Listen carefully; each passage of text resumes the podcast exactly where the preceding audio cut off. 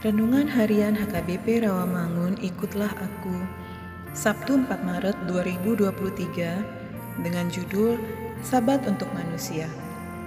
Bacaan kita pada pagi hari ini tertulis dalam Markus pasal 10 ayat 32 sampai 34 dan bacaan kita pada malam hari nanti tertulis dalam Roma pasal 3 ayat 23 sampai 24 dan kebenaran firman Tuhan yang menjadi ayat renungan kita pada pagi hari ini tertulis dalam Markus pasal 2 ayat 27 yang berbunyi Lalu kata Yesus kepada mereka Hari sabat diadakan untuk manusia dan bukan manusia untuk hari sabat.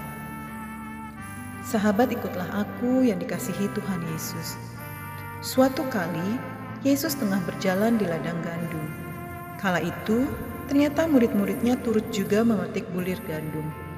Melihat itu, orang Farisi pun gelisah, lalu bertanya, mengapa mereka berbuat sesuatu yang tidak diperbolehkan pada hari Sabat. Mereka memahami bahwa Sabat harus dikuduskan, sehingga tidak boleh bekerja melakukan apa pun pada hari itu. Orang Farisi memelihara Sabat, tetapi salah memahami tujuan Sabat mereka memperilah sabat di satu sisi dan mengabaikan hidup manusia di sisi lain. Karena itulah, Yesus mengubah persepsi mereka yang salah terhadap sabat.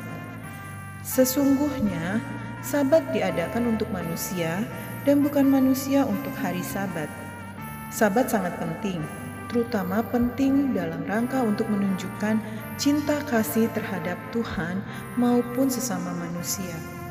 Memelihara sabat tidak boleh dipahami dengan sempit secara verbal semata, tetapi terutama sabat dimaknai dengan secara operasional dalam bingkai memanusiakan manusia. Bila kita sungguh-sungguh beribadah kepada Tuhan, maka ibadah kita itu sejatinya bukan sekedar ibadah yang seremonial, tetapi ibadah yang operasional. Ibadah yang sejati adalah pujian yang sungguh kepada Tuhan yang kemudian disertai dengan wujud cinta kasih kepada sesama. Ibadah yang mesra dengan Tuhan tidak mungkin membuat kita abai terhadap sesama. Sabat ataupun ibadah yang sejati haruslah menjadikan setiap orang yang beribadah menjadi tulus dan bersyukur. Mengasihi sesama dengan sungguh, melayani orang yang berkeluh, yang susah, dan yang lemah serta menolong orang yang terbeban. Amin. Mari kita berdoa. Ya Tuhan, tolonglah aku memahami dan memaknai sabat secara benar, agar aku hidup dengan tulus dan bersyukur, mengasihi sesama dengan sungguh, melayani orang yang berkeluh, susah, lemah, dan terbeban